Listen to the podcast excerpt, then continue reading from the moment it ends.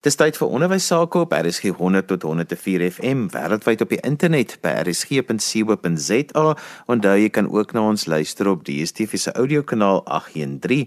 Die program is ons in die onderwys saam met my Johan van Lille.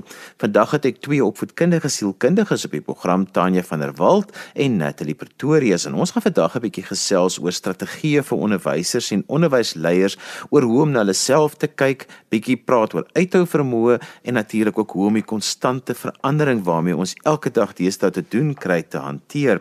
So kom ons begin sommer by jou Natalie. Kom ons praat oor daai ding van onderwysers moet ook na hulle self kyk. Mm, dit is nog 'n baie belangrike een.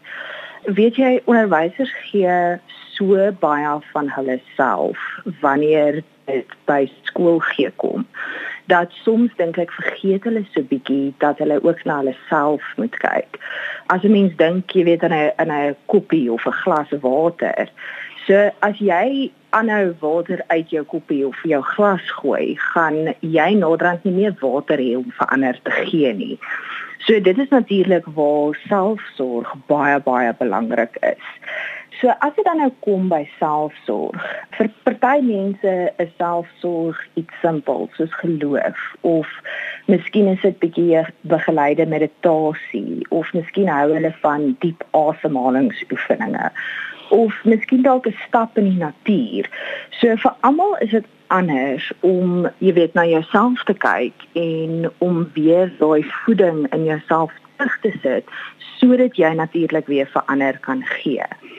En dit is nogal belangrik dat 'n mens daai tipe van goedjies vir jouself ten minste een keer 'n dag doen, veral as dit ietsie is wat kort is. Mense wat nogal uh, hou van 'n begeleide meditasie. Jy weet jy kry lekker kort begeleide meditasies op van die toepassings wat 'n mens kan gebruik of geloof. Jy kan vinnig in die aand vir jouself 'n stukkie deur die Bybel lees en jou gebedjie opsê, maar dit is nogal belangrik dat 'n mens daai selfsorg elke dag doen en nie net een keer of twee keer 'n week nie, want dan gaan jou glas bietjie leeg word en jy gaan nie van daai water vir enigiemand anders kan gee nie. En ek dink om by Natalie aan te sluit, mens besef vir al die afgelope jaar met COVID-19 wat gebeur het en baie onderwysers wat ewe skielik van die huis af moes klas gee daai selfsorg is regtig verskriklik belangrik want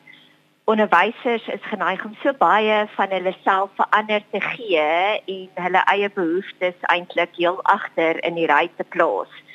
So goed wat mense ook kan doen is al dalk net om klein bietjie vir 'n koppie tee buitekant in die tuin te gaan sit en drink of bietjie bal te speel met die hond. So soos wat Natalie gesê, dit hoef nie baie lank goed te wees nie want ons weet dat onderwysers regtig baie besig is.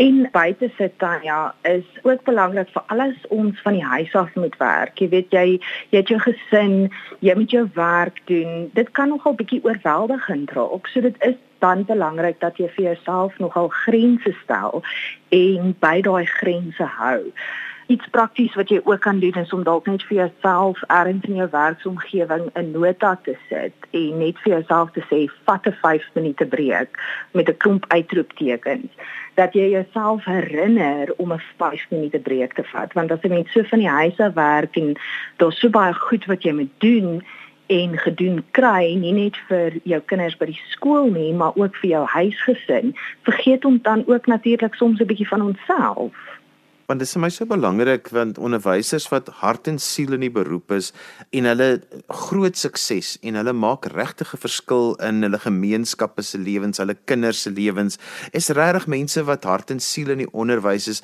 Dis gewoonlik die mense wat nie na hulle self kyk nie en ook nie die tekens raak sien dat hulle besig is dat hulle dat hulle glas is besig om leeg te loop nie. Ja, jy's jy's reg Johan en dit is hoekom jy weet onderwysers moet ook dalk net 'n bietjie tyd neem vir refleksie. Ons as onderwysers, ek was self 'n onderwyser, ek dink Tanya was ook een. Ek ja. gee self klas by die universiteite. 'n Mens is so gewoond om ander se behoeftes voor jou eie te plaas. En dit is hoekom dit nogal belangrik is om bietjie ook self te reflekteer op jou eie gevoelens en jou eie behoeftes. En dan is dit belangrik om te erken wat jou gevoelens is, identifiseer dit, probeer uitfigure hoekom jy so voel dink dalk bietjie oor wat jy nodig het in daai oomblik en ook nie net in die toekoms of in daai oomblik nie, maar ook dan natuurlik in die toekoms. Praktiese goed wat 'n mens ook daar kan doen net om bietjie weer jou siel te voed en bietjie van daai met daai emosies te werk is goed soos kuns, enigiets wat bietjie kunstig of kreatief is. Dit help ook nou nogal bietjie om jou emosies te kan prosesseer. Iets vir my wat ek dink onderwysleiers dalk aan aandag moet gee is ook hoe leer ek my personeel om na hulle self te kyk. Ons weet almal nou met Covid was dit 'n bietjie minder jou betrokkeheid wat jy nou fisies by die skool moes gewees het, maar onderwysers is nog steeds lang lang lang ure weet net voor hulle rekenaar gesit en agter hulle rekenaar ook maar 'n klaskamer en 'n skool help bedryf. Dit voel vir my baie keer of die onderwysleiers ook moet kyk na hoe swaar hulle mense trek met hulle werksladings en om ook vir hulle te modelleer wat dit beteken om na jouself te kyk. Ja, ek dink daai modellering is baie belangrik en ek dink soos wat jy reg sê, onderwysleiers, ek dink veral toe Covid net begin het en baie onderwysers ewe skielik aanlyn moes klas gee, veral die ouer onderwysers was dalk nie altyd so seker oor hoe om die media nou te gebruik nie. So vir baie onderwysers het die lading verskriklik baie geword. En ek dink dit was maar 'n uh, gejaag vir almal om net die kinders weer aan die leer te kry. So dit is nodig vir onderwyserleiers om te kyk hoe hulle hulle onderwysers kan help in terme van selfsorg ook en die refleksie hmm. waarvan Natalie gepraat het. Ja Tanya, ek stem 100% saam met jou en ook om by jou aan te sluit. Ek dink jy weet iets wat prakties en eenvoudig is vir onderwysleiers om te doen is dalk ook om te erken wat is in jou beheer en wat is dan nou natuurlik nie in jou beheer nie. En dit is nogal veral belangrik wanneer daar hierdie konstante verandering plaasvind, want dit kan angs veroorsaak wat soms net vir ons meer vrae bring as antwoorde. En as onderwysleiers dalk daai rolmodellering kan doen en kan sê jy weet, hulle besef wat is in hulle beheer dan gaan dit dalk ook makliker wees vir onderwysers om te sê weet jy sekere goed is in my beheer en ek kan iets daaromtrent doen maar dan is daar ook natuurlik goed wat nie in my beheer is nie en dan kan hulle nie noodwendig enigiets daar omtrent doen nie. Nou wat ook soms gebeur is wanneer 'n mens so baie veranderinge het en jy met soveel goed doen, dan veroorsaak dit nogal so 'n bietjie 'n warrelwind in jou kop. So iets eenvoudig wat 'n mens daar kan doen is dalk om 'n T-lys of 'n T-grafiek op te stel waar jy dit fisies kan sien en dit kan jou ook dalk help om 'n net bietjie 'n nuwe perspektief te kan kry. Ek wil 'n bietjie praat oor uithou vermoë ook, want jou selfsorg en uithou vermoë gaan tog hand aan hand, want 'n mens moet heeltyd ook probeer keer want die die kant waar ons nooit wil kom nie is uitbranding. Ja, en dit kan baie baie vinnig met onderwysers gebeur, veral vir die wat so passievol oor hulle beroep is. Hulle hou net aan en aan en aan en druk nooit daai afknoppie nie. En ek dink met so baie wat van die huis af moet gewerk het, dis moeilik om daai afknoppie te druk want jou rekenaar is heeltyd by jou en met baie van die aanlyn programme wat kinders op skool gehad het, kon kinders heeltyd deur vra vra. So onderwysers moet leer en ek weet as 'n oud onnie dit is baie moeilik om dit te doen maar dat mens sê weet jy wat tussen 5 en 6 vanmiddag gaan ek nie enige vrae antwoord nie ek gaan nie na my rekenaar kyk nie ek gaan nie die voorbereiding doen wat ek vanmôre moet doen of die toets of vraestel opstel nie hierdie is nou my tyd wat ek kan gebruik om my selfsorg te doen wat dit ook al mag wees En ek dink dan ja, dit is nou nogal baie waar daai grense inkom wat jy vir jouself moet stel. wat jy daarbey moet bly. En wat ook dalk belangrik is om te noem, is wanneer 'n mens so in hierdie warrelwind vasgevang word en die angstigheid, jy weet, oortref ons so bietjie, dan vergeet ons soms om die goeie en die oulike en die mooi goed raak te sien. So dan is dit ook nou natuurlik belangrik om daai oomblikke van hoop en vreugde te kan raak sien. So klein goedjies wat net vir jou bietjie hoop gee of vreugde gee.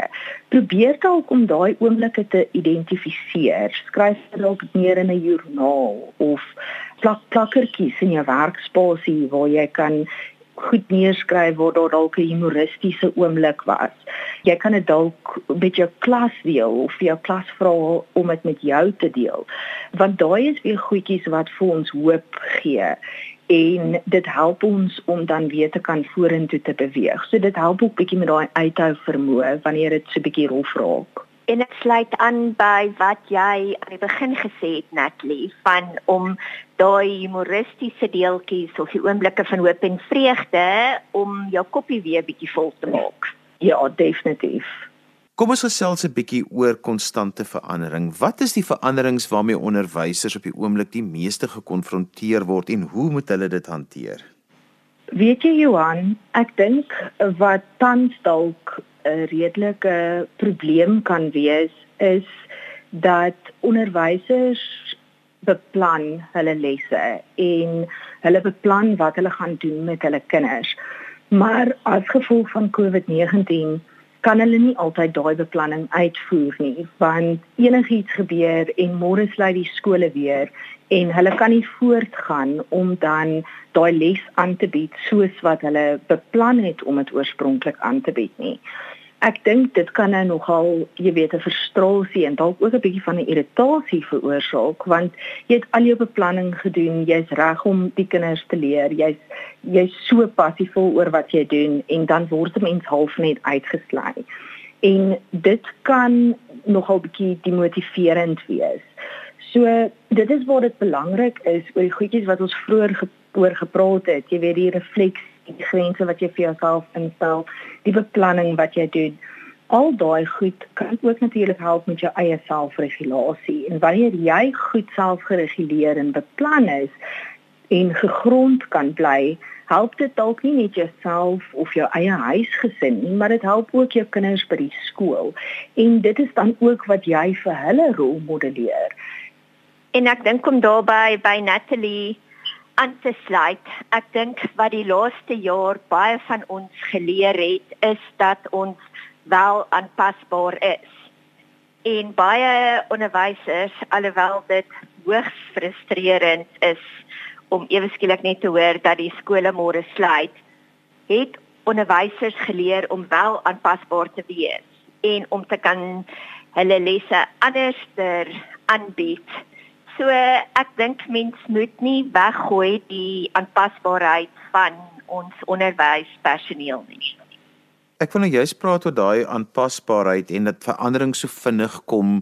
Hoe bestuur ek my ingesteldheid as verandering so vinnig op my afkom dat ek letterlik 'n week voor die tyd hoor net die skole sluit nou of dit moet gebeur of ek het 'n verandering by die skool, ek moet in 'n ander pos ingaan.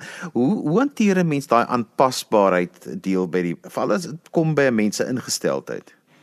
Johan, ek dink om terug te kom oor wat ons ook bietjie vooroor gepraat het, is daai erkenning van wat is in jou beheer en wat is nie in jou beheer nie. Jy weet as as daar môre ons gesê word o, die skole sluit nou weer. Dit is nie iets wat regtig binne in ons beheer is nie. Ons kan nie voorsiening vir so iets maak nie. En dit is nou nogal belangrik dat ons daai onderskeid kan tref om te sê alhoewel hierdie nie deel is van my beplanning nie, alhoewel dit nie in my beheer is nie, gaan ek gegee ook wat die laaste jaar gebeur het, nog steeds kan voortgaan om die kinders te leer wat hulle nodig het. En ek dink wat ook belangrik is, is dat onderwysers besef nie altyd hoe baie hulle regtig vir die kinders beteken het in die laaste jaar nie. Die ondersteuning wat die kinders van onderwysers afgekry het en van skole afgekry het. En dit is dalk iets waaraan onderwysers kan vashou, jy weet, om te weet dat wat dit ook al is wat hulle doen of hoe dit ook al is, die manier hoe hulle dit doen, hulle bring tog iets terug na die kinders toe. En ja, die kinders kan dalk nie op die manier leer waarop hulle gewoond is om te leer nie, maar net soos wat ons weet hoe aanpasbaar ons kan wees en hoe aanpasbaar die onderwysers is, is kinders ook so aanpasbaar en eintlik dalk nog bietjie meer as ons partykeer. So onderwysers moet dalk ook net onthou die waarde wat hulle toevoeg um gedurende hierdie moeilike tyd. En om by jou aan te voeg Natalie, ek dink kinders kan sien dat die onderwysers die les nou anders moet aanbied omdat die skole dalk nou toegemaak word of so. So hulle sien die rolmodellering waarvan ons vroeër ook gepraat het. So dit is dan weer nuwe vaardighede wat die kinders ook kan aanleer en wat hulle sodoende in hulle eie lewens in die toekoms ook sal kan toepas. Watter rol speel 'n growth mindset en ek verwys dus spesifiek na die werk van Carol Dweck wat praat van 'n growth mindset by selfsorg uit te vermoë en om verandering te hanteer. Ek dink daardie is 'n ongelooflike boek waarvan jy nou praat Johan. Ek dink dit is 'n boek wat elke ouer en onderwyser en onderwysleier moet lees. Daardie boek gee so baie praktiese voorbeelde van hoe 'n uh, groei mindset andersins kan wees in terme van 'n uh, gevestigde een wat mense nie wil verander nie. So uh, ek dink jy is baie reg as jy sê dat 'n uh, growth mindset kan baie help vir onderwysers in terme van aanpasbaarheid en uithou vermoë as hulle net die tegnieke wat in die boek gepraat word as hulle dit net kan toepas. Verduidelik net gou vir ons luister so klein bietjie van wat dit behels. Wat Karel Dweck oor praat is dat mense het of jammer vir die Engels het of 'n fixed mindset of 'n growth mindset.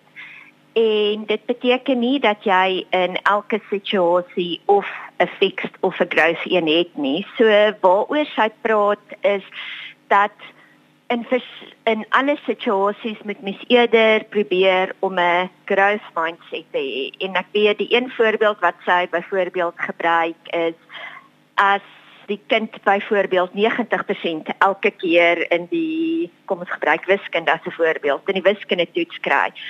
Baie ouers en onderwysers sal dalk fokus op die punt wat die kind gekry het. Waar mens dalk meer moet fokus op die proses en die groei wat 'n mens daaruit kan kry. Hmm. So dalk in plaas van om te sê baie geluk Jannie, jy het weer 90 gekry, want as Jannie volgende keer 80 kry, kan Jannie binne in hom voel, o, frek, ek is nie meer slim nie, ek kan nie wiskunde doen nie, eerder om te sê, "Sjoe, Jannie, jy het 90 gekry. So ek dink nie ek het jou genoeg uitgedaag nie. So hoe kan ek jou meer uitdaag om dalk nog meer beter te kan doen in hierdie vraestel? So wat sy ook dan oor praat is met die uitdagings wat mens dan gee vir kinders om dalk beter te doen is om te sê wat is die ander maniere wat jy kan gebruik om by hierdie antwoord uit te kom. Uh Johan, al wat ek dalk net wil ook bynoem is wanneer ons kyk na die growth mindset. Dit is maar half 'n manier om te kyk hoe kan ons dalk mislukkings vat en watse geleentheid in daai mislukking is daar dan weer vir ons om te groei in uh mhm. -huh. plaas van om te sê weet jy ek het nou misluk daar's niks wat ek daaromtrent kan doen nie ek kan nie verbeter nie en half dan bietjie op te gee en dit is nou nogal belangrik ons mis soms daai geleenthede in daai mislukkings wat weer vir ons kan help en leer hoe om verder te groei en hoe om dalk volgende keer 'n bietjie beter te doen.